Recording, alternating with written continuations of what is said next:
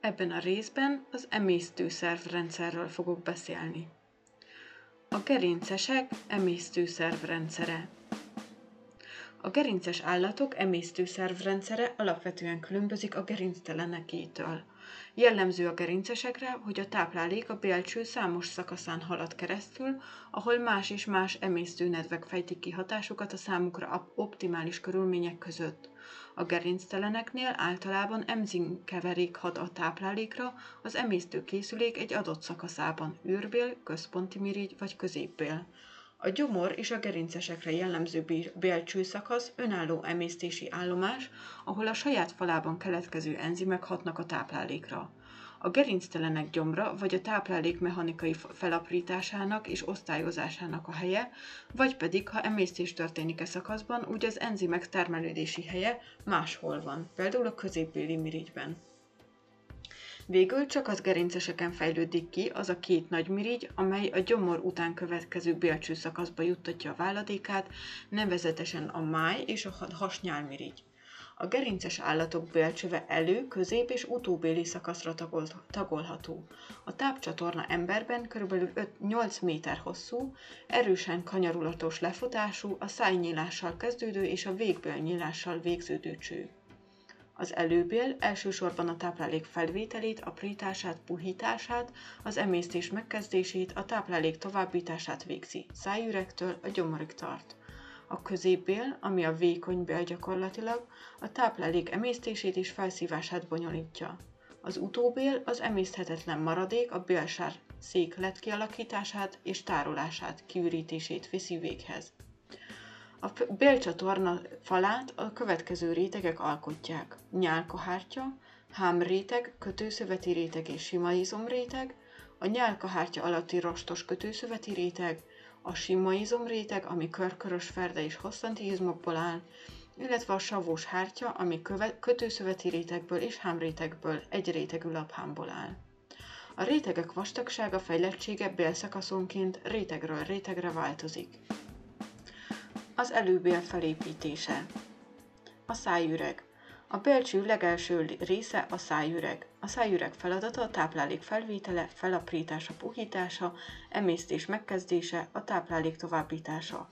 E feladatok ellátására alakultak ki a szájüreg képletei, a fogak, a nyelv és a nyálmirigyek. A szájüreget elől az ajkak zárják le, hátul folyamatosan éles határ nélkül megy át a garatba, felül elől a kemény, illetve hátul a lágy szájpadlás határolja el az orrüregtől, a szájüreget a nyálkahártya béleli, amely nevét a felszínét borító nyálka rétegről kapta. A nyálka feladata a mechanikai védelem, kiszáradás elleni védelem, falatképzés, az emésztés megkezdése. A szájüreget bélelő nyálkahártya hámja több rétegű, gyengén elszarúsodó hám. A fogazat.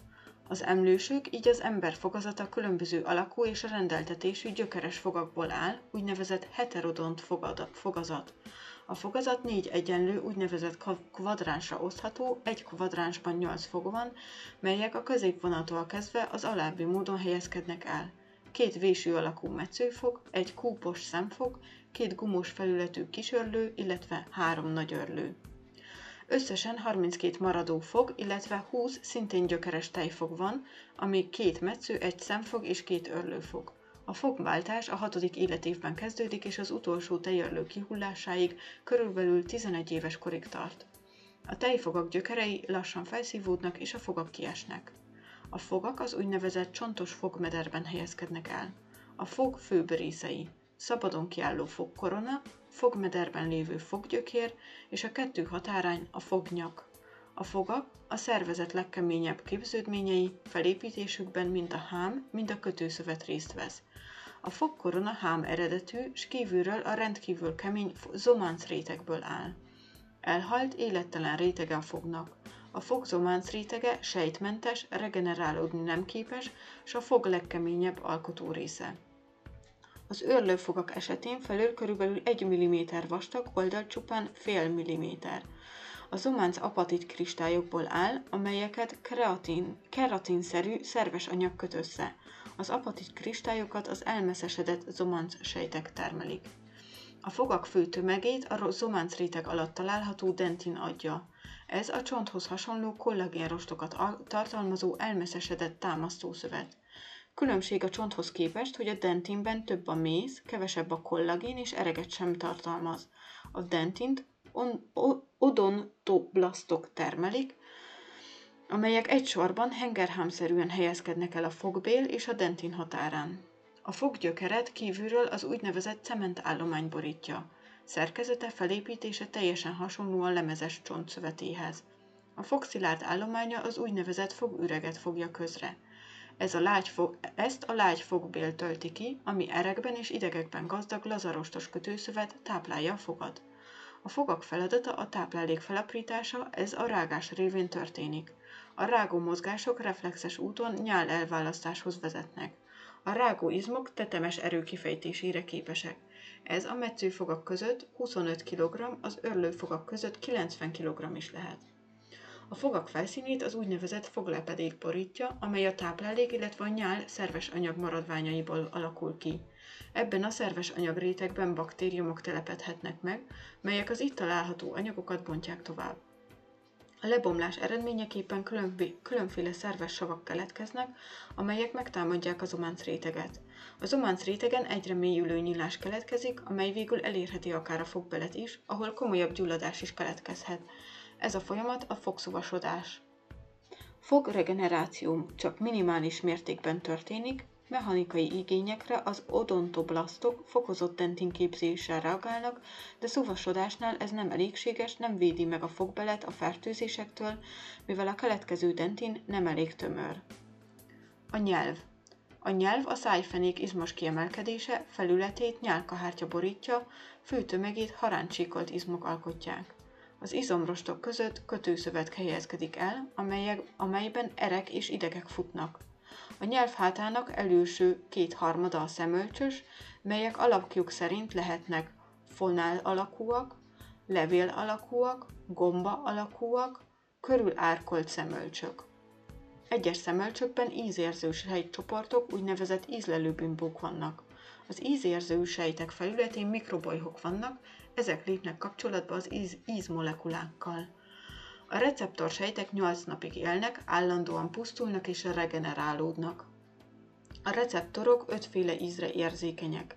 Az édes és sós ízeket a nyelv hegyén, a savanyú ízt a nyelv szélén, a keserű ízt a nyelv gyökerén érzékeljük, ezen kívül megkülönböztetjük az umami ízt. A savanyú íz a proton koncentráció függvénye, a sós íz a kisebb pozitív töltésű kationok hatására érződik nátriumklorid. Míg ugyanezek az ionok nagy koncentrációban keserű ízt okoznak, de nagyobb töltésű kationok, mint például kalcium, magnézium szintén keserűek. Az édes ízt a legkülönfélébb szerkezetű vegyületek okozhatják, de természetes módon a sok OH csoportot tartalmazó vegyületek felelősek az édes íz kialakításáért. Az umami, ami japánul finom ízt jelent, az ötödik alapíz, természetesen fordul elő ez az íz például a paradicsomban, a parmezán sajban és a japán konyhában használt kombu nevű barna moszatban. A legismertebb ezt az ízt kiváltó mesterséges adalékanyag a nátriumglutamát. A nyelv feladata az összerágott táplálék összekeverése a nyállal, az ízérzékelés, nyeléskor hátratolja a falatot, hangképzés. A nyál a nyálat a szájüregben nyíló három pár nyálmirigy termeli, a fültőmirigy, nyelv alatti mirigy és az álkapocs alatti mirigy. Naponta kb. 500-600 ml nyár termelődik, melynek pH-ja 6,2-7,4-ig változik, többnyire enyhén lúgos. Fő összetevői Nyál amiláz feladata a keményítő glikogén emésztésének megindítása, keményítőt és a glikogént maltózra bontja, működésének pH optimuma 6,8 körül van. Mucin, melynek fő feladata a táplálékpép összeragad, összeragasztása, a falat képzése, a nyál viszkozitásának növelése. A nyál ezen kívül még anor, anorganikus sókat is tartalmazhat, nálium, kálium, kalcium, klór, HCO3- és PO4 plusz ionokat. A foszfátok a nyál túllúgosodása esetén kiválnak és fogkövet képeznek. A nyál mennyisége és minősége alkalmazkodik a táplálék minőségéhez. száraz táplálék esetén nagy mennyiségű hígnyál keletkezik, savanyú vagy lúkos táplálék esetén nő a nyál mucin tartalma, sava, magas szénhidrát tartalom mellett nő a nyál amiláz koncentrációja. A nyál fő feladata a megrágott táplálék nedvesítése, összeragasztása falattá. A falat képzés megkönnyíti a táplálék haladását a nyelőcsőben, továbbá a nyál védi a szárnyálkahártyát a kiszáradástól, sérülésektől. Lugos kémhatása révén védi a fogakat a szuvasodástól. A nyál lízozim enzimje antibakteriális hatású, illetve immunoglobinjai védenek a fertőzések ellen. A garat és a nyelőcső. A szájüreg hátsó elkeskenyedő része a torokszoros, amely a garatban vagy pharynxben folytatódik. A garat felnőtteken 12-13 cm hosszú, felülről lefelé kisi elkeskenyedő, nyálkahártyában val bélet izomcső. Ide nyílnak a belső ornyilások, a szájüreg, a fülkürt vagy eustrachkürt, amely a középfülbe vezet, gége és a nyelőcső.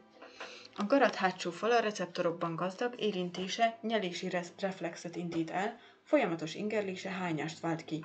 Itt kereszteződik a levegő és a táplálék útvonala. A táp és a légutak kezdeti szakaszán a torok és orgaratban különösképpen nagy mennyiségben találhatók az immunrendszerhez tartozó nyiroktüszök, amelyek, amelyeket manduláknak nevezzük, nevezünk orgarati, fülkürti, szájpadi, nyelvgyöki, oldalsó garati mandulák. A garattáp csatornai része a nyelőcsőben folytatódik. A nyelés során a falat nyelőcsővön keresztül a gyomorba jut. A nyelőcső emberben körülbelül 10 20-30 cm hosszú és körülbelül 2 cm átmérőjű, átfúrva a rekeszizmot alul az úgynevezett gyomorszájhoz kapcsolódik. Nyálkahártyájának hámja több rétegű gyengén elszarosodó laphám. A nyelőcső nyálkahártyája hosszanti redőket vet, amelynek a, amelyek a falat át általi kitáguláskor elsimulnak. A nyelőcső izomzata körkörös és hosszanti rétegekből áll, ez a felső harmadban haráncsíkolt, lejjebb sima izom. A nyelés mechanizmusa. Az ajkak zárulnak, a nyelv előről hátrafelé felemelkedik, így a gar- falatot a garatba juttatja. A lágy szájpad felemelkedik és elzárja az utat az orrüreg felé. A garat a gégefőhöz nyomódik, a garatot a garat izmai felemelik, a gégefő elzárja az utat a légcső felé, belégzés ekkor gátolt. A falat a nyelőcsőbe jut. A nyelőcső izmainak perisztaltikus mozgása továbbítja a falatot a gyomorba. Amikor a falat a gyomorba ér, az ott lévő gyűrű alakú záróizom elernyed, és a falat bejut a gyomorba. Ezután a záróizom újra összehúzódik, így megakadályozza, hogy a falat visszajusson a nyelőcsőbe. A falat továbbítása nem passzív, hanem aktív izomműködés, az úgynevezett perisztaltikus mozgás eredménye. A szájüreg felé eső körkörös izmok összehúzódnak, majd ezek elernyednek, és az addig elnyert, e, elernyett körkörös izmok húzódnak össze, így a falatot a gyomor felé nyomják. A gyomor. A gyomor az emésztőkészülék nyelőcső után következő szakasza, amely a rekeszizom alatt a bal oldalon helyezkedik el. Állótest helyzetben a gyomor függőleges állású tömlő, amelynek alsó része horogszerűen visszakanyarodik. Felül a gyomorszájjal kezdődik, amely a nyelőcső átmenete a gyomorba. A gyomor következő része a gyomorszájtól lefelé, felfelé emelkedő és a rekesz bal kupoláját, kupoláját kitöltő gyomorfenék. A gyomorszáj helyétől lefelé álló helyzetben a gyomor függőleges része a gyomortest. A jégkampójának visszaforduló része a gyomorkapu. A gyomorkaput és a patkóbelet erős, gyűrűszerű sima izom választja el. A gyomor görbületei a kis, illetve nagy görbület. A gyomor falának szerkezete. A gyomorfal rétegződését tekintve tipikus felépítésű, amennyiben redőzött nyálkahártya, nyálkahártya alatti kötőszövet, izomrétegek és savós hártya építi fel. A nyálkahártya. Hámja egy rétegű hengerhám, melynek felületi rétege mucinszerű anyagot termel. Egy nyákszerű anyagnak fontos szerepe van a gyomorfal védelmében. A nyálkahártya kötőszöveti rétege tartalmazza a nyálkahártya csöves mirigyeit. A csöves mirigyek felépítése. A mirigyek nyaki szakaszában találjuk a mucinózus nyálkát termelő melléksejteket, a mirigyek középső régióiban helyezkednek el a sósavat termelő úgynevezett fedősejtek. A mirigyek alsó részében vannak a pepsinogén termelő úgynevezett fősejtek. Ezen váladékok összessége a gyomornedv. A gyomornedv tehát tartalmaz mucint, sósavat és pepsinogént. A nyálkahártya sima izomrétege. A nyálkahártya alatti kötőszövet laza kötőszövetes réteg, amelyben vérerek, nyirokerek és idegek futnak. A sima izomréteg a gyomorban három rétegű, ferde, körkörös és hosszanti lefutású. Savos hártya. A gyomor működései. Tárolja az elfogyasztott táplálékot, szakaszossá teszi annak beépítését, beép, belépését a vékonybélbe. Enzimjai a pepszin révén megkezdi a fehérjék emésztését. A víz, alkohol és egyes gyógyszerek már a gyomor nyálkahártyájáról felszívódnak. A gyomorfal termeli a gasztrin nevű szöveti hormont és a vörös képzés szempontjából azonos intrinzik faktort. A gyomor mozgásai. A gyomor erőteljes, izmos fala spontán mozgásokat mutat, melynek szerepe a táplálék szétoszlatása, az emésztőnedvekkel való összekeverése és a patkóbélbe való továbbítása. A gyomor mozgásának is jellegzetes jelenségei a perisztaltikus hullámok, amelyek a táplálék továbbításáért felelősek.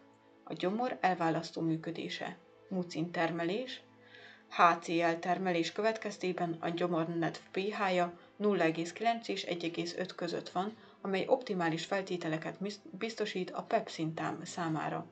Pepszin elválasztás. A pepszin fehérje emésztő enzim, amely inaktív formában, mint, mint pepsinogén kerül elválasztásra. A pepsinogén részben hidrogénklorid hatására, részben autokatalízissel aktiválódik. A pepszin a fehérjéket a tirozin vagy fenil, fenilalanin aminocsoportjánál hasítja, így a fehérjéket oligopeptidekre bontja. A fehérjék emésztése gyomor hiányában is jól végbe megy a hasnyálmirigy és a bélnedv enzimjei hatására. Az intrinzik faktor egy fehérje, amely B12 vitamin felszívódását biztosítja, hiányában a vitamin nem szívódik fel, így zavar támadhat a vörös vérsejtek képződésében. A fiatal emlős állatok gyomrában termelődik a kimozin, amely felnőtt korban már nem mutatható ki. A kimozin olyan endopeptidáz, amely szintén inaktív alapban jön létre. 4,5 pH körül alakul át aktív kimozinnál. A kimozin elsősorban a tejkazeinjének hidrolízisét katalizálja. A kimozin optimális pH-ja 6 és 7 között van. Fontos alkalmazási területe a tejipar, ahol a tej alvasztására, savanyítás, fehérjék kicsapása, a túró és a kazein előállítására használják. A sajtkészítés alapja a tej megalvasztása, azaz a tejet savanyítják, majd fehérjéit kicsapják. Az első lépés a tej savanyítása, ez tejsav baktérium tenyészettel történik. A második lépés a fehérjék kicsapása oltóenzimekkel. A kimazin enzim a tejfehérjék közül a kappa kazeint hasítja. A kappakazein kettő, kettős oldódási tulajdonságú amfipatikus molekula. A kimozin enzim a 105. számú fenilalanin és a 106. számú metionin aminosav között hasítja el a kappakazeint. A hasítás eredményeképpen egy erősen poláris és egy erősen apoláris molekula rész keletkezik. Ennek eredményeképpen összekapcsolódnak az apoláris molekula részek és a tej megalvad. A szopós emlősök gyomrában a kimozinos emésztés következtében hosszabb ideig időzik a tej, mivel folyékony halmazállapotúból kocsonyás anyagú állagúvá válik. A középbél felépítése A vékonybél a vékonybél a tápcsatorna középső szakasza, ezért lehet középbélnek is nevezni. Az emésztés befejezésének és a tápanyagok felszívásának fő helye. Az ittható emésztőnedveket egyrészt a pél falának mirigyei, másrészt a középbélhez kapcsolódó máj és hasnyálmirigy termeli. Emberben körülbelül 6-7 méter hosszú és három főszakaszra osztható. Epésbél vagy patkóbél, ébél, jejunum, csípőbél, ileum. A patkóbél nevét alakjáról, illetve arról kapta, hogy ide nyílik a máj és a hasnyálmirigy közös vezetéke, tehát ide ömlik az epe és a hasnyál. A patkóbél kanyarulatában foglal helyet a hasnyálmirigy. Ébél nevét onnan nyerte, hogy nagy mértékű felszívódás miatt tetemekben általában üres. Nem választható el élesen a csípőbéltől. Az ébél és a csípőbél közötti határ körülbelül a bal csípőtárnyér felső tájékán van. Mindkettő szélesen kanyargó hurkokat vet, ezért ezeket bélkacsoknak nevezzük. A vékony bél falának szerkezete nyálkahártya réteg. A vékonybel nyálkahártya rajzolatát sűrűn álló, magas körkörös redők adják. A középbél legjellegzetesebb képződményei a bélbolyhok, amelyek kesztyű újszerű kiemelkedései a nyálkahártyának. Közel 1 mm hosszúak és 1 négyzetmilliméteren körülbelül 20 található belőlük, a csípőbélben a legrövidebbek, a patkóbélben a leghosszabbak. A hámréteget egy rétegű mikrobolyhos hengerhám alkotja. Egyetlen hengerháim sejt felületét mintegy 3000 mikrobohoj boríthatja. A, felszívódó, a felszívó hámsejtek között mucin termelő úgynevezett kehelysejtek találhatók. A felületi hámsejtek utánpótlása a bélcsöves mirigyeinek nyaki részén folyamatosan zajló mitózisok révén történik.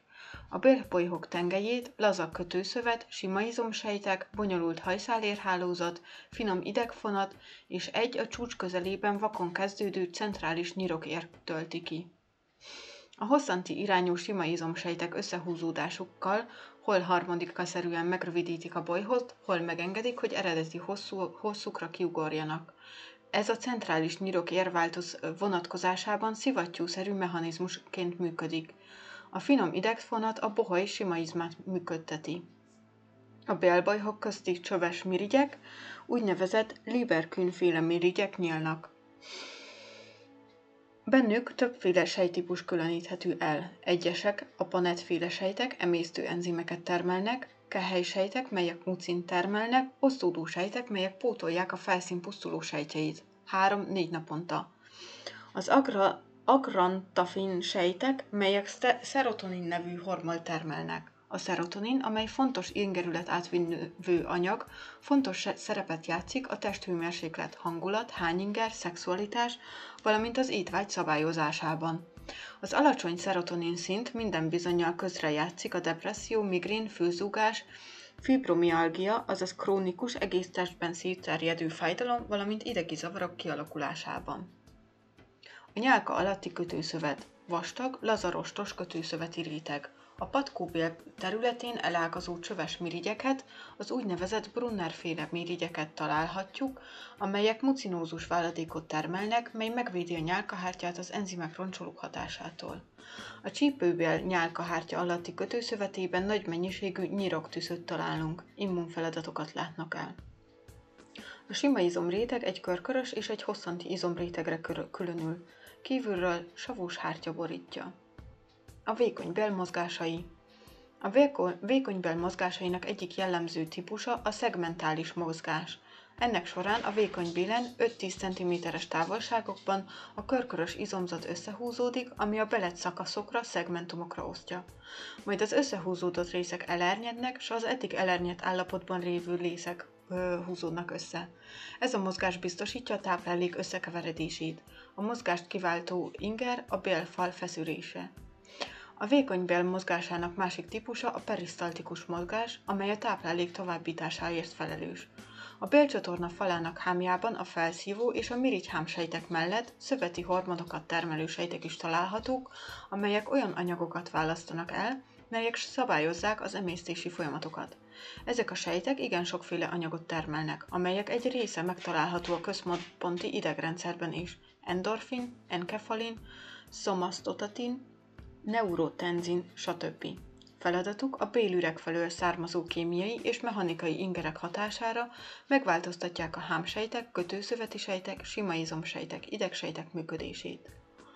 A vékony, vékony bélnedv a vékony bélfalának mirigyei, a Brunner és a Lieber sejtek termelik a vékony bélnedvet, amely emberben napi 600 ezer ml térfogatú, enyhén lúgos, pH-ja 7,6.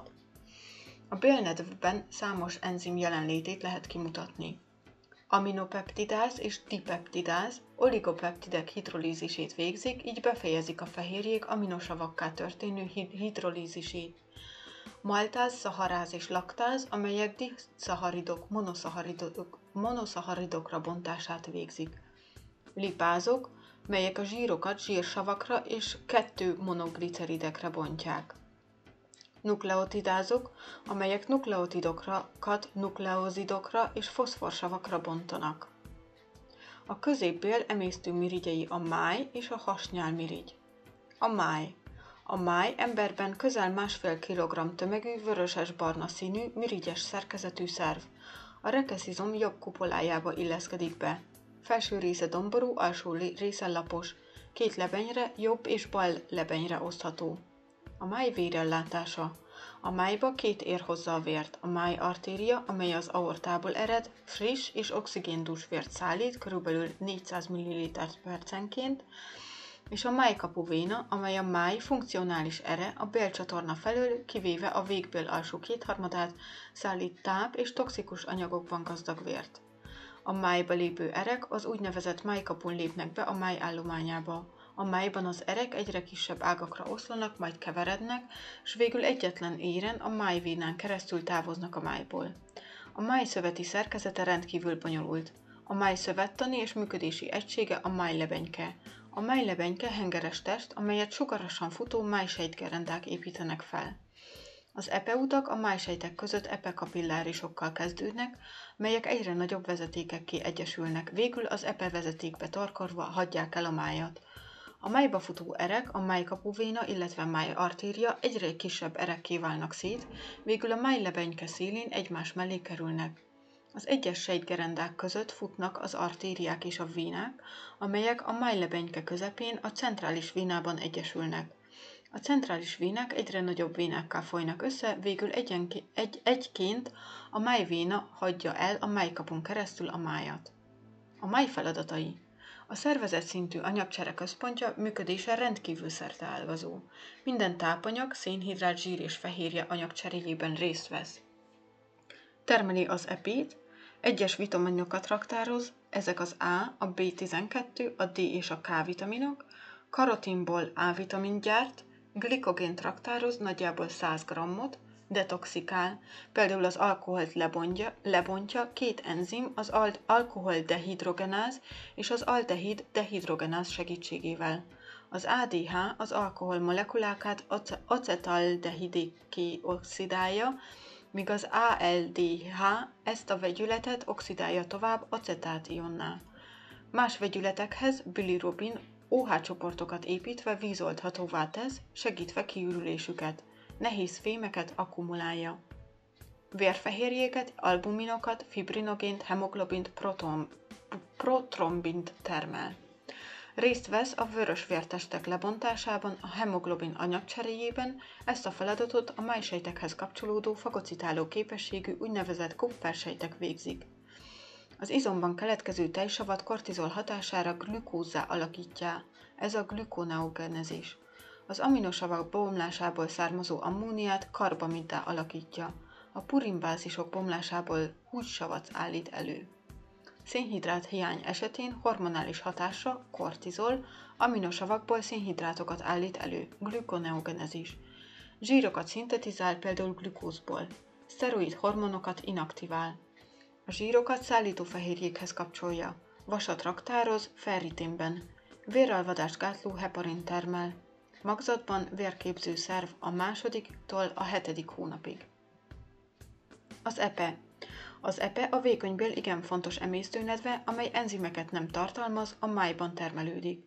Az epe vezeték a hasnyálmérigy vezetékével egyesülve közösen nyílik a patkóbélbe. Az epe elválasztás állandóan folyik, a táplálkozás szakaszosságától lényegében független. A képződött epe egy része az epehújakban raktározódik el, és ott jelentősen bekoncentrálódik. Az epehújak vékony simaizom elemeket tartalmazó falát nyálkahártya béleli. Űrtartalma 30-35 ml, emberben 24 óra alatt 500 1000 ml epe termelődik. Az epe részben szekrétumnak fogható fel, mivel több olyan anyagot szállít, amelyek az em- emésztésben lényeges szerepet játszanak, epesavak. Másrészt exkrétumnak is tekinthető, mert bomlástermékeket is tartalmaz, az epefestékeket. Az epe összetétele. Epesavas sók, epefestékek, koleszterin, ásványi sók és víz. Az epe pH-ja 7 és 8,5 között mozog, emésztő enzimeket nem tartalmaz. Az epesavas sók. A kolsav és a dezoxikolsav, az epesavak a glicinnel képeznek sót. Az epe elválasztását a gastrin, a szekretin és az inzulin fokozzák. Amfipatikus vegyületek. Feladatuk kettős aktiválják a zsírbontó lipázokat, a bélmozgások miatt felaprózódott zsírcseppek felületén elhelyezkedve csökkentik az emulgált zsírkolyócskák felületi feszültségét, stabilizálják azokat, és felületüket nagyobbítva kedvezőbb feltételeket termelnek a lipáz hatása számára. Hatásuk a szappanokéhoz hasonló. A koleszterin. Az ebekövek lehetnek koleszterin 80%-ban és bilirubin 20%-ban kövek. A koleszterint az epesavak tartják oldatban, és ha mennyiségük valamilyen okokból csökken, a koleszterin epekövek formájában kiválik az epehólyagban. A bilirubin kövek a fokozott hemoglobin lebomlás során képződhetnek. Epefestékek. A hemoglobin porfirin bázának hembomlásából származnak. A bilirubin vöröses, a biliverdin zöldes szín árnyalatot ad az epének. Jelentőségük az emésztésben nincs, bomlás termékek az epén keresztül választódnak ki. Ha a májsejtek károsodnak, a bilirubin egy része be- bekerülhet a vérkeringésbe, a bőr alatti kötőszövetben felhalmozódik, a bőrnek sárgás szint ad, ez a sárgásság. A kiöregedett vörös vértestek a lépben és a májban és a vörös csontvelőben esnek szét. A hemoglobin tartalmuk hemrészének lebomlási termékeként először zöld biliverdin alakul ki a vas-ion lehasadásával.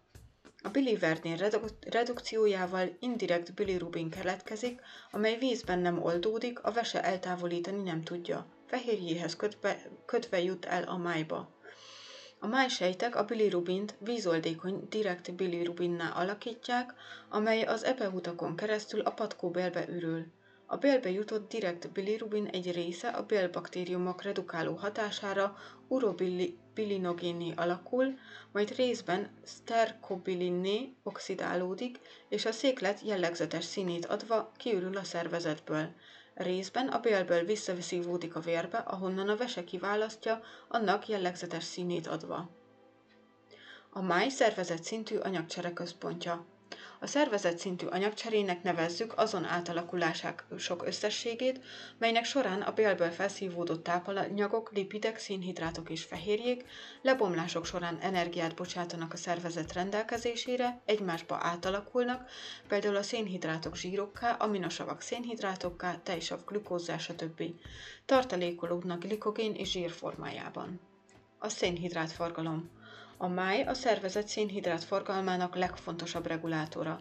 A vérből szénhidrátokat, glükózt vesz fel a magas vércukorszint esetén, és adja le a szükségleteknek megfelelően alacsony vércukorszint esetén. A vérből felvett szénhidrátok a májban vagy lebomlanak energiát szolgáltatva, vagy átalakulnak például zsírokká, vagy átmenetileg raktározódnak glikogénként.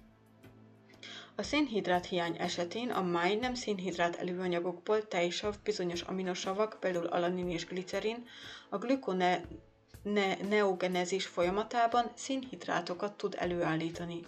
A máj szénhidrát forgalommal összefüggő egyik igen fontos feladata a vércukorszint szabályozása.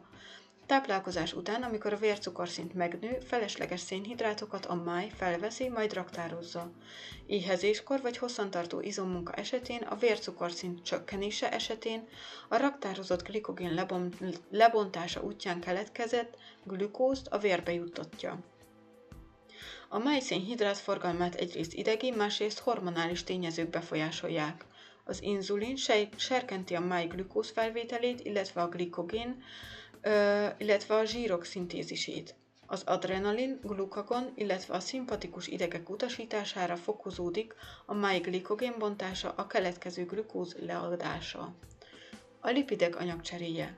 Az apoláris lipidek a tér vizes, poláris közekében nem szabadon, hanem szállítófehérjékhez kötötten, különféle úgynevezett lipoproteinak formájában szállítódnak táplálékkal felvett neutrális zsírok a tápcsatornába kerülve enzimatikus lebontás következtében zsírsavakra és monogliceridekre esnek szét, majd ezt követően a bélbolyhok hámsejtjeiben reszintetizálódnak, szállítófehérjékhez kötődve létrehozzák a kilomikront.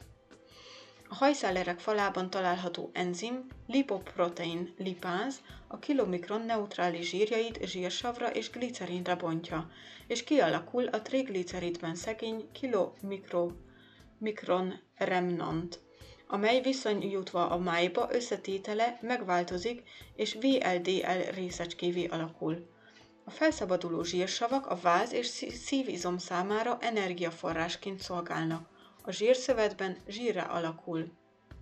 A VLDL a kilomikronhoz hasonló módon VLDL remnantá alakul, csökkent a, csökken a zsírsav tartalma, és megváltozik a fehérje összetétele is, és így kialakul az elsősorban koleszterint szállító LDL.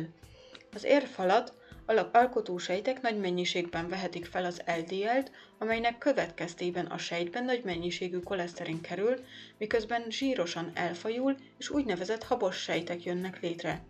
Ezek a habos sejtek az érelmeszesedés kezdeti lépését jelentik. Az érelmeszesedés legjellemzőbb formája az arter- arteroszklerózis, Ilyenkor az élberhártya alatt először kásaszerű anyagot tartalmazó, később kalcium lerakódása miatt megkeményedő plakkok akadályozzák a szervek vérellátását. A zsíranyagcsere másik fontos alkotója a HDL, amely a máj, melyet a máj és a vékony bél szintetizál. A HDL az úgynevezett védő lipoprotein részecske. A perifériás szövetekből képes a koleszterint felvenni és a májba szállítani. Az így felvett koleszterin epesabbá alakul és a tápcsatornába kerül. Ezen az úton keresztül a szervezet megszabadul a fölös koleszterin tartalmától. A hasnyálmirigy. A hasnyálmirigy anatómiai és funkcionális értelemben egyaránt két részre tagolódik. Az emésztő enzimeket termelő külső elválasztású exokirin részle, amely váladékát a hasnyálat a patkóbélbe juttatja, a hormonokat inzulin és glukagon termelő belső elválasztású endokrin részre, amely váladékát a vérbe üríti. Az endokrin sejtcsoportok a külső elválasztású részek végkamrái között a mirigy állományban szigetszerűen helyezkednek el, nevüket leírójukról kapták, Langerhans féle szigeteknek nevezzük. Számuk emberben körülbelül egy millió. Vérellátásuk igen gazdag, tekintve, hogy a sejtek váladékukat a vérbe juttatják. A mirigy sejtek citoplazmájában rendkívül fejlett DER található, amely az intenzív fehérje szintézissel van összefüggésben. A, a szigetek kétféle sejtből állnak. Kisebb, világosabb béta sejtekből, ezek termelik az inzulint, illetve nagyobb, sötétebbre festődő alfa sejtekből, amelyek a glukagon termelik. A Langerhans szigetek működését elsősorban a vércukor szint szabályozza. A hasnyálmirigy külső elválasztású része termeli a hasnyálat, amely emberben napi 1,2-1,5 liter pH-ja 8 körül van. Összetétele Tripszin, amely inaktív tripszinogén formájában választódik el, a polipeptideket oligopeptidekre bontja adott helyen, peptidkötéseket hidrolizál.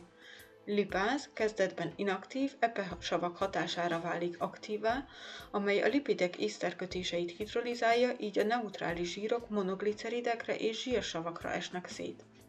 Hasnyál amiláz, amely a nyál amilázhoz hasonló, ezért szintén a keményítőt hasítja maltóz egységekre. Nukleáz, amely a nukleinsavakat nukleotidokra hidrolizálja.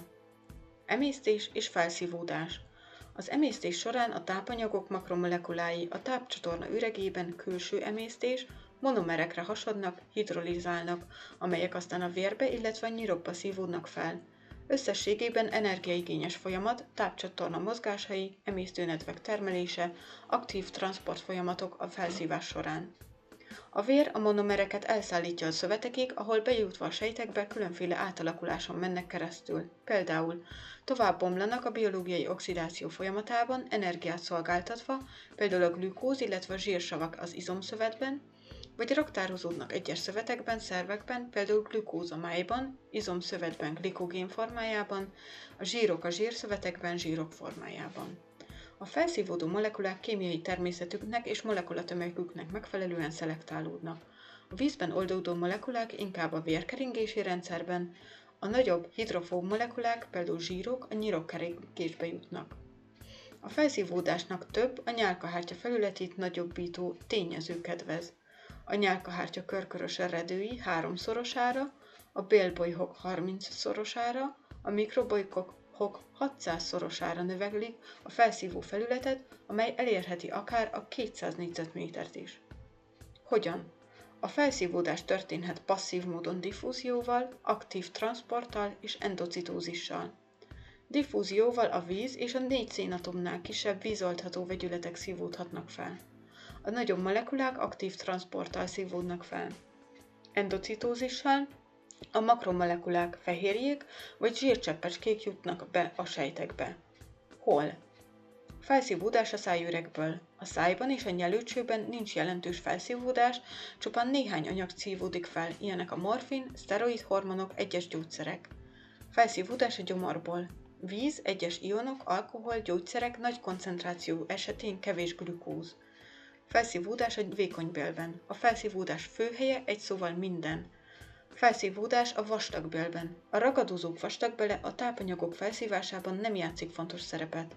Itt főleg víz, ionok és esetleg kis tömegű szerves anyagok, mint például B és K vitaminok szívódnak fel. A növényevők vastagvelében levő jelentős mikrobatömeg egyszerű szénhidrátokat, aminosavakat, zsírsavakat és B-vitaminokat képez, melyek ezen a szakaszon kismértékben felszívódnak. Mi szívódik fel? A víz és az ionok felvétele. A víz felvétele vizes csatornákon keresztül passzív transporttal történik. Az ionok felszívása aktív transporttal történik. Aminosavak és fehérjék felszívódása. A felszívódott aminosavak aktív transporttal a vérkeringésbe jutnak. A fehérjék endocitózissal történő felszívódása alárendelt jelentőségű. A fehérjék felszívódását bizonyítják az emberben megfigyelhető túlérzékenységi reakciók vagy allergiák. Ilyen esetben a táplálék fehérjék szerkezetüket megőrizve a szervezet kóros im- immunreakcióit váltják ki. Csecsemők a tej gamma-globulinjait veszik fel változatlan formában. Természetes passzív immuniz- immunizálás. A szénhidrátok felszívódása. Az, a folyamat többnyire energiát igénylő aktív transport. A zsírok felszívódása. A zsírok felszívódása több egymást követő fázisból áll. A lipáz a zsírokat kettő monogliceridekre és zsírsavakra bontja, a bélhámsejtekben a zsírok reszintetizálódnak, a reszintetizálódott zsírok kilomikron formájában a nyirokérbe jutnak, a kilomikronok lipoproteinek, melyek az SER-ben képződnek. A zsírok kb. 50%-a emésztés nélkül triglicerid formájában kerül a bélhámsejtekbe endocytózissal. Ennek köszönhetően a lipáz enzim teljes hiányában is történik zsírfelszívódás. Az utóbél felépítése Az utóbél részei a vastagbél, a szigmabél és a végbél. A vastagbél a hasüreg vékonybél tömegét képletszerűen veszi körül, igen tág üregű. A vastag bél jobb csípőtányéri tájékban kezdődik a vakbéllel, majd lefelé folytatódik a felszálló remesével, a máj jobb lebenye alatt átmegy a haránt remesébe, majd a lép alatt lefelé fordulva a leszálló remesébe folytatódik. Ez a bal csípőtányéri tájékban a szigma bélbe, S alakú, és végül a kis medencébe belépve a végbélbe megy át. Külső felszíne nem sima, hanem rajta három párhuzamos sorban gömbszerű kiöblösödések vannak. A vakbél. A vakbél a vastagbél kezdeti, lefelé vakon végződő tág szakasza, amely a jobb csípőtányérban fekszik. A vakbél és a csípőbél között egy billentyűszerű képlet található, amely azáltal jön létre, hogy a csípőbél vége mélyen betüremkedik a vastagbél üregébe, ez szelepszerűen működik, már kis nyomás mellett megengedi a csípőbél ürülését a vakbél felé, míg fordítva nagyobb nyomás mellett sem nyílik meg. A vakbélből egy csökevényes belszakasz, a féregnyúlvány indul ki. A féregnyúlvány rendkívül változatos alakú és helyzetű egyénenként változó csökevényes vastagbél részlet. 2-25 cm hosszú, vékony notes ceruzától hüvelykújnyi vastagságig. Falának szerkezete megegyezik a bélfal általános szerkezetével, bel annál jóval vékonyabb. A féregnyúlvány nyálkahártya alatti kötőszövetében rendkívül nagy mennyiségű nyiroktűző található, aminek következtében a féregnyúlvány a mandulájéval azonos funkciójú nyirokszerv. A vakbélgyulladás. Amennyiben a széklet egy darabja elzárja a féreg nyúlvány nyílását, az elzárt részben a baktériumok felszaporodása miatt különféle gyulladásos folyamatok indulnak be. Mivel a féreg nyúlvány fala rendkívül vékony, a gyulladás következtében könnyen átszakad, azaz a vakbél perforálódik. A nyíláson keresztül baktériumok kerülhetnek a hasüregbe, amelyek következményeként életveszélyes hashártya gyulladás alakulhat ki. A helyzet súlyosságának megfelelően feltétlen műtéti beavatkozás szükséges. A vastag bélfala elsősorban a nyálkahártya szerkezetében tér el a vékony bélétől. Bélbolyhok nincsenek, csak felületnövelő redők alakultak ki. Felületi hámja mikrobolyhos hengerhám. Csöves mirigyei megnyúltak, nagy számú helysejtet tartalmaznak, enzimtermelő sejteket azonban nem. Az izomrétegeket körkörös és hosszanti lefutású sima izmok alkották. A vastagbél működése. A vastagbél fala által elválasztott csekély, mucintartalmú váladék enzimeket nem tartalmaz. A vastagbél a széklet kialakításában fontos, amely egyrészt a nagy mennyiségű víz és ionok felszívódásnak, másrészt a bakteriális rothadásnak köszönhető. A naponként átjutó körülbelül 500 mm béltartalomból, a kimuszból 350 ml víz szívódik fel. A vastagbél pH-ja körülbelül 8. Míg a gyomor és a vékony bél gyakorlatilag baktériummentes, a vastagbélben dús baktériumflóra van, mely a kimuszban erjedési és rothadási folyamatokat indít meg. Emberben és főként növényevő állatok vastagbelében cellulózbontó enzimeket termelő baktériumok is élnek, de az emberben az itt felszabaduló cukor azonban már nem hasznosítható. Igen fontos funkciója a vastagbél baktérium flórájának bizonyos vitaminok termelése, például emberben K-vitamin és B-vitaminok termelődnek.